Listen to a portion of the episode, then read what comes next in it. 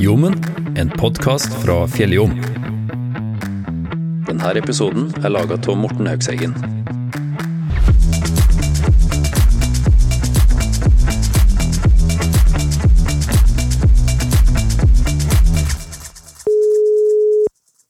Ja, hallo, det er Øyvind.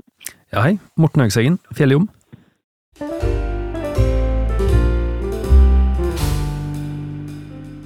Denne podkasten skal altså handle om Øyvind Hånes og den nyeste boka hans, som heter Det tomme toget. Boka er sjølbiografisk og høyst relevant for oss som bor her i Rørosregionen. Mye av handlinga er nemlig knytta til steder i Røros kommune, og Nøren kjenner kanskje til og med at personer som omtales i boka. Historien til boka er knytta sammen av ei fiktiv togrese som Hånes som liten gutt gjør sammen med far sin, Helge.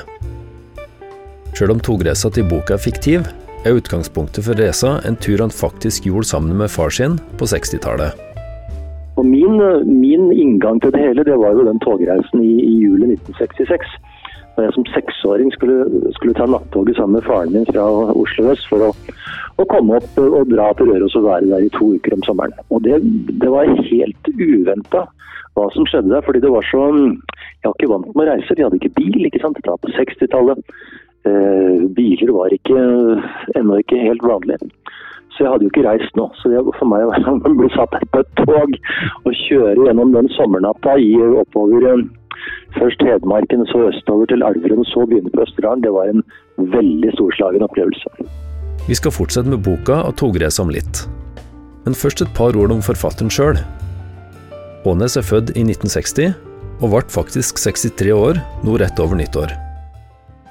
Du begynner å opparbeide et, et, perspektiv på det livet du har levd. Og der hører jo selvfølgelig alle de menneskene du har vært i kontakt med, de hører jo med. Og det er En oppdagelse er jo at som jeg gjorde i forbindelse med, med skrivinga her, er at um, det er en um, Den verdenen du fødes inn i, er en fulls, den ser fullstendig annerledes ut enn den du står midt oppi 50-60 år etterpå. Altså De fleste menneskene er borte. Eh, stedene ser helt annerledes ut.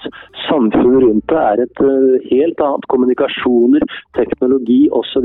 osv. Hva som er viktig. Hva slags allianser som er knytta liksom, på stort og, smått land. Hva du driver med. Og det, det blir en, en, Det å sette seg ned og skrive en sånn bok, det blir også en, en måte å ta et overblikk på, på eget liv og prøve å summere hva har skjedd, hva gikk bra, hva gikk mindre bra, hva kunne vært gjort, gjort annerledes, osv. Aanes har bodd store deler av livet i Drammen, men tilbringer òg mye tid i Tyskland. Han har gitt ut en lang rekke romaner, novellesamlinger, diktsamlinger og fagbøk. I tillegg han musiker og har gitt ut flere plater innen forskjellige musikksjangre. Han har vunnet flere priser, og i 2005 var han nominert til Nordisk råds litteraturpris. Om Det tomme toget gir deg lyst til å lese flere bøker til Øyvind Hånes, finnes det altså mange andre som du kan dykke ned i. Så hopper vi tilbake til togresa og racer gjennom livet som han gjør i den nyeste boka. Hånes er altså på togrese sammen med far sin, Helge. Og resa går fra Oslo til Røros en gang på 60-tallet. Et spesielt litterært grep som han gjør, er å tømme toget for folk. Derav Det tomme toget, som er navnet på boka. Under den virkelige reisa, som den fiktive togturen er inspirert av, var det ganske langt fra folketomt. Nei, på ingen måte. Dette er jo bare fordi at det, det er grep som jeg fant ut var veldig, det var veldig uh, smart å ta. fordi da kunne jeg på en måte Da ble tog, den togreisen ble på en måte alle togreiser jeg har hatt oppover til Røros. Ja. Du skreller bort, uh, skreller bort alt som er av unødvendigheter. Det er ikke det er veldig passasjerer om bord på sånne tog. Det er uh, vi har sjelden noen, noen funksjon annet enn at det er bare en ansamling mennesker som er, som er samla på ett sted av ulike grunner. Mm. Så jeg ville ha bort det for å liksom få koke det ned til essensen. Da, da oppdaga jeg det at det var faktisk ganske, et ganske fint grep å ta at et, et tog er tomt. Og det er, det er hellingen, det er ingen passasjer, men det er heller ingen konduktør. Når man kommer fram til Røros om morgenen, så ser man jo faktisk at det er jo heller ingen lokfører. Da tar det, drar det hele over i en sånn halvveis skjult drømmeverden som som en fantasiverden som leseren egentlig ikke blir helt klok på. Er dette drømt? Er dette sant? Eh, ligger midt imellom? Og sannsynligvis er svaret at det gjør nettopp det. Det ligger et sted midt imellom. Ved å tømme toget for folk gir Hånes mer plass til historiene fra sitt eget liv, fremfor å vie tid åt karakterer som ikke er essensielle for boka. Historiene i boka kommer i form av minner og er tangenter til hovedhistoria, som er sjølve togturen. Ei sentral opplevelse fra barne- og ungdomstida gikk for seg i Havsjøen, på grensa mellom Trøndelag og Hedmark.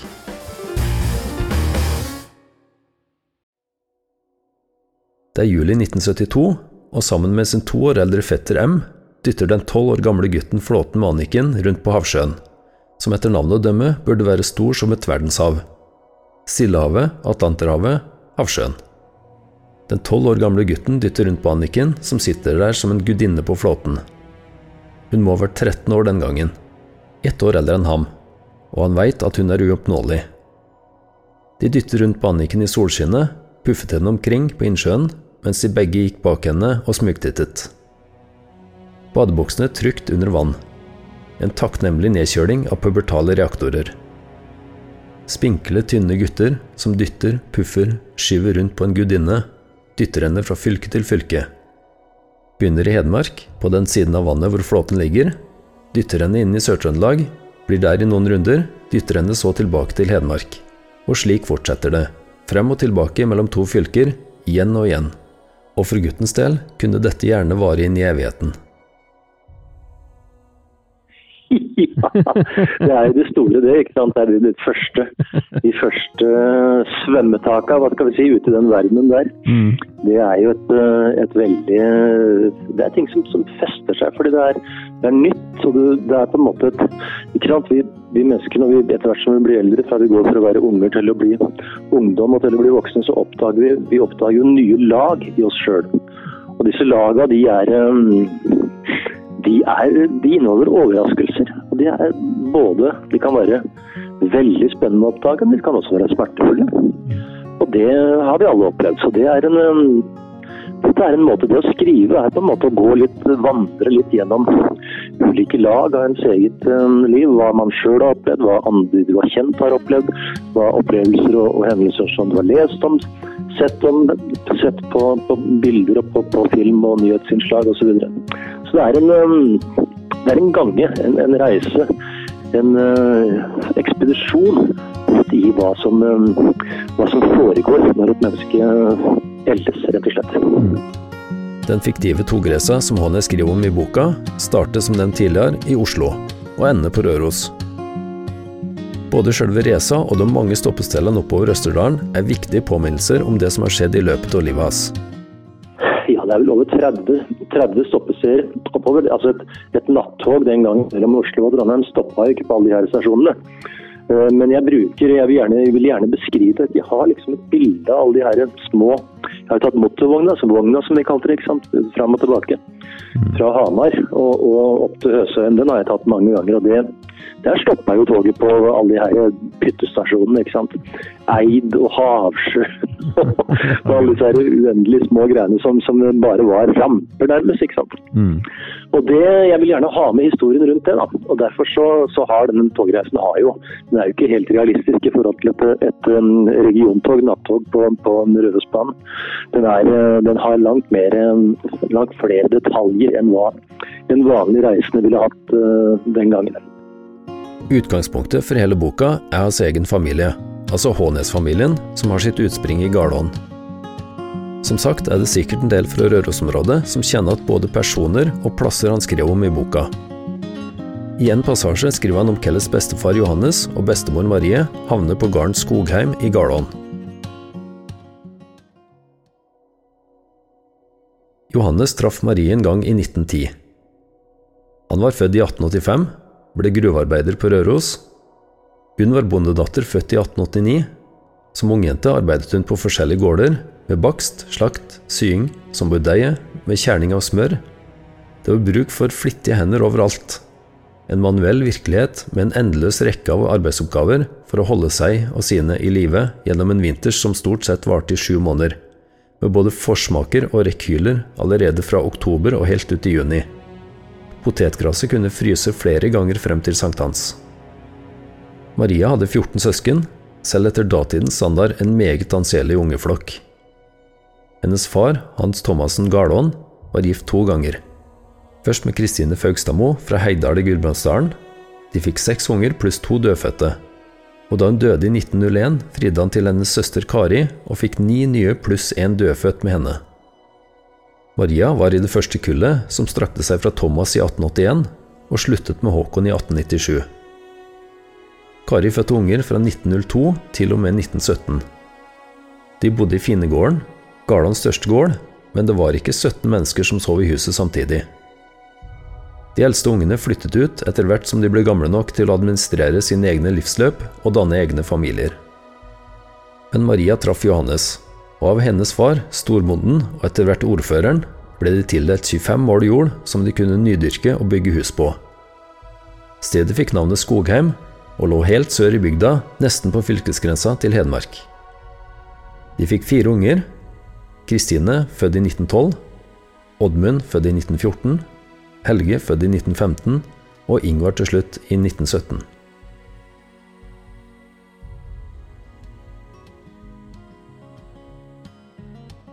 Enhver forfatter som skriver bøker, skriver jo for så vidt en ekstrakt av livet sitt. Enten det er eh, åpent eller det er eh, at man bruker fiktive karakterer. Men, eh, men akkurat den, den, den, det prosjektet her, den boka her, den, har, er virkelig en, var virkelig en måte å, å, se på hva som har, har skjedd med avgrensningen til den familien Hånes som, som dukka opp der ute i, i Krokom, i helt sør i Sør-Trøndelag fylke den gangen i, i, i juni-juli 1916. Hvor de begynte å rydde og lage, skulle lage en gård. Så det var, det var veldig, et veldig fint grep for å rett og slett ta et overblikk. Faren Helge vokste seg opp på gården Skogheim, som ser ut til å spille en viktig rolle i Hånes sitt liv. Mange av historiene har sitt utspring og tilknytning til denne gården. På mange måter fungerer Skogheim som et viktig nav i det tomme toget. Og det er en, en sånn gård, det er, en, det er et mikrounivers. Det er liksom en, et bilde på, på, universet som sådan. Du har alle, alt det som skjer i, i små store verdener, er til stede i en sånn familiehistorie. Du har flotte øyeblikk, du har mindre flotte øyeblikk. Du har um, konflikter, du har uh, oppbrudd, du har uh, begivenheter av, av, stor og små kaliber som, uh, som er med på å, å, å lage et, et, et, sånt familiealbum, kan du si. da. Språket i boka er lett og beskrivende. Som regel bruker Hånes kun de nødvendigste ordene for å fortelle historien. Men av og til dukker det opp beskrivelser som bryter med de ellers enkle setningene. Olfaktorisk ekstase blir brukt til å beskrive lukta i hagen i Krokselva. Anniken, som Hånes og fetter M dytta rundt på flåta i havsjøen, blir beskrevet som ei gudinne til rosa og brun bikini. De store orda ble også brukt som et litterært virkemiddel for å skille livet i Krokselva og de opplevelsene som nesten var for gode til å være sann, fra det enkle livet som var i Garlån. For en ung gutt måtte det være stor forskjell mellom det som sannsynligvis var et mangefasettert liv, fylt med mange typer følelser i Krokstadelva, og det enkle ferielivet som han opplevde her oppe med Røros.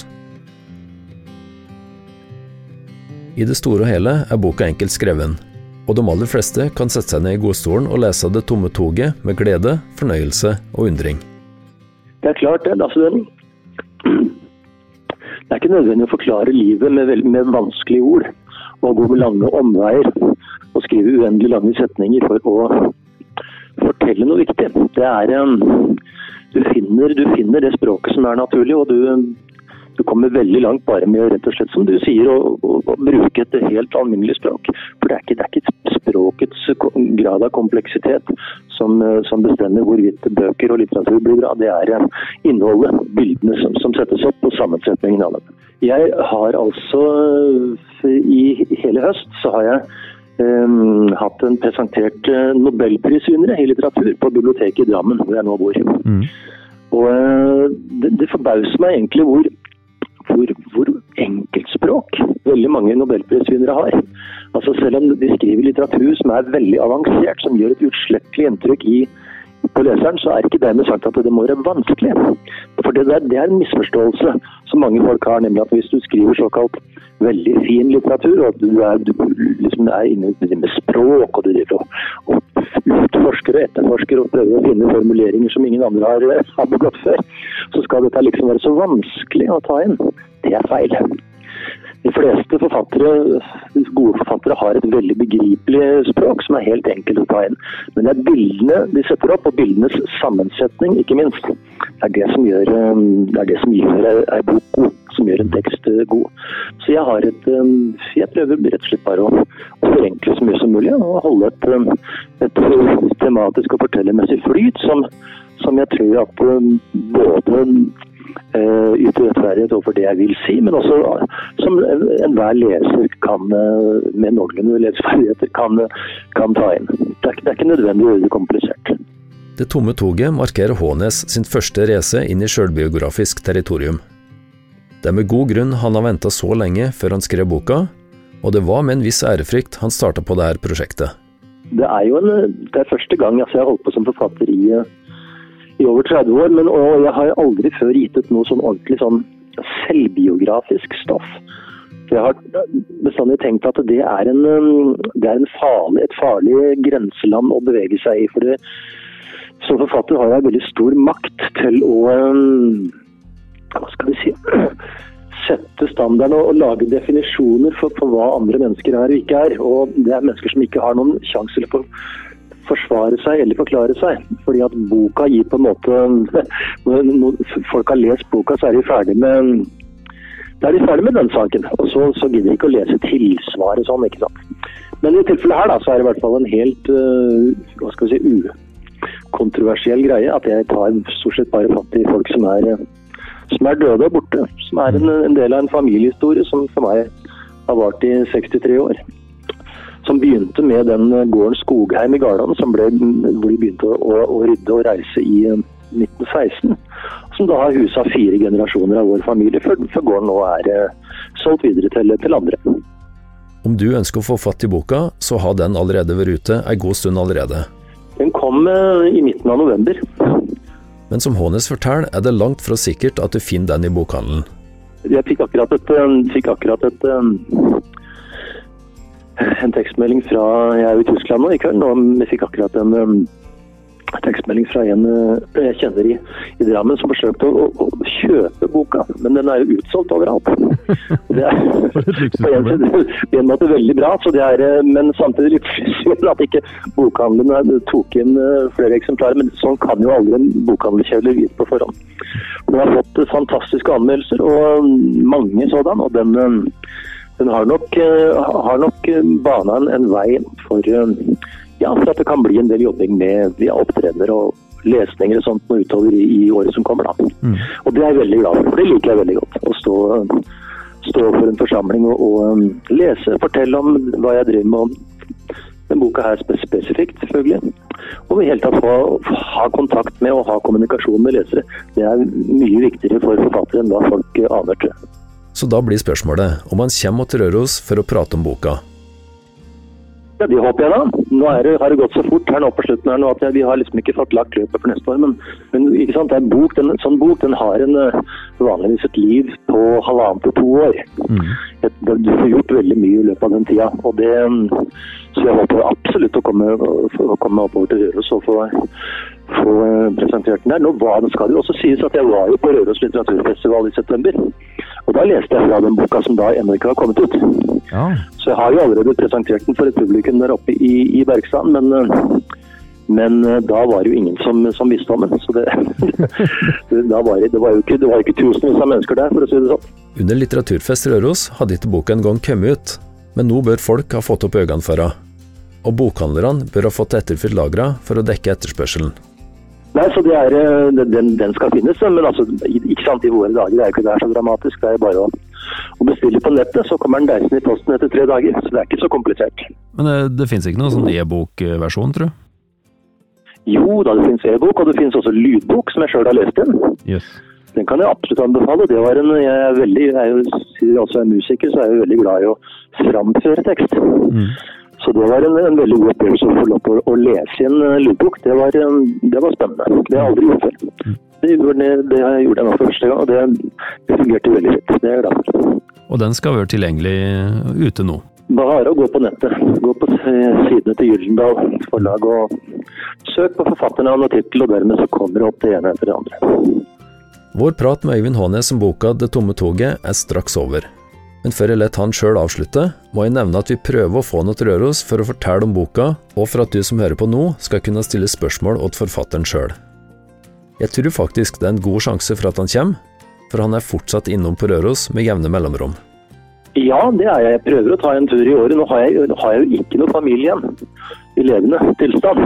Det er bare noen graver å gå til. Ja, det er litt det er, eh, men at jeg har jo eh, etter hvert fått nye venner og bekjente. Jeg har, eh, jeg har jo gjerne Jeg vil si jeg har på, på, eh, på, på, på, på, på Glåmos Mm. så har, vi, eh, har jeg en tremenning som har et eh, gårdsbruk. Jeg er invitert når jeg vil til å komme. Så, men du vet det, du driver og bor litt i Norge og litt i Tyskland og farter rundt omkring, så er det ikke så enkelt å få tid til alt. Men jeg prøver å få tatt en tur til Røros eh, hvert år, da. Mm.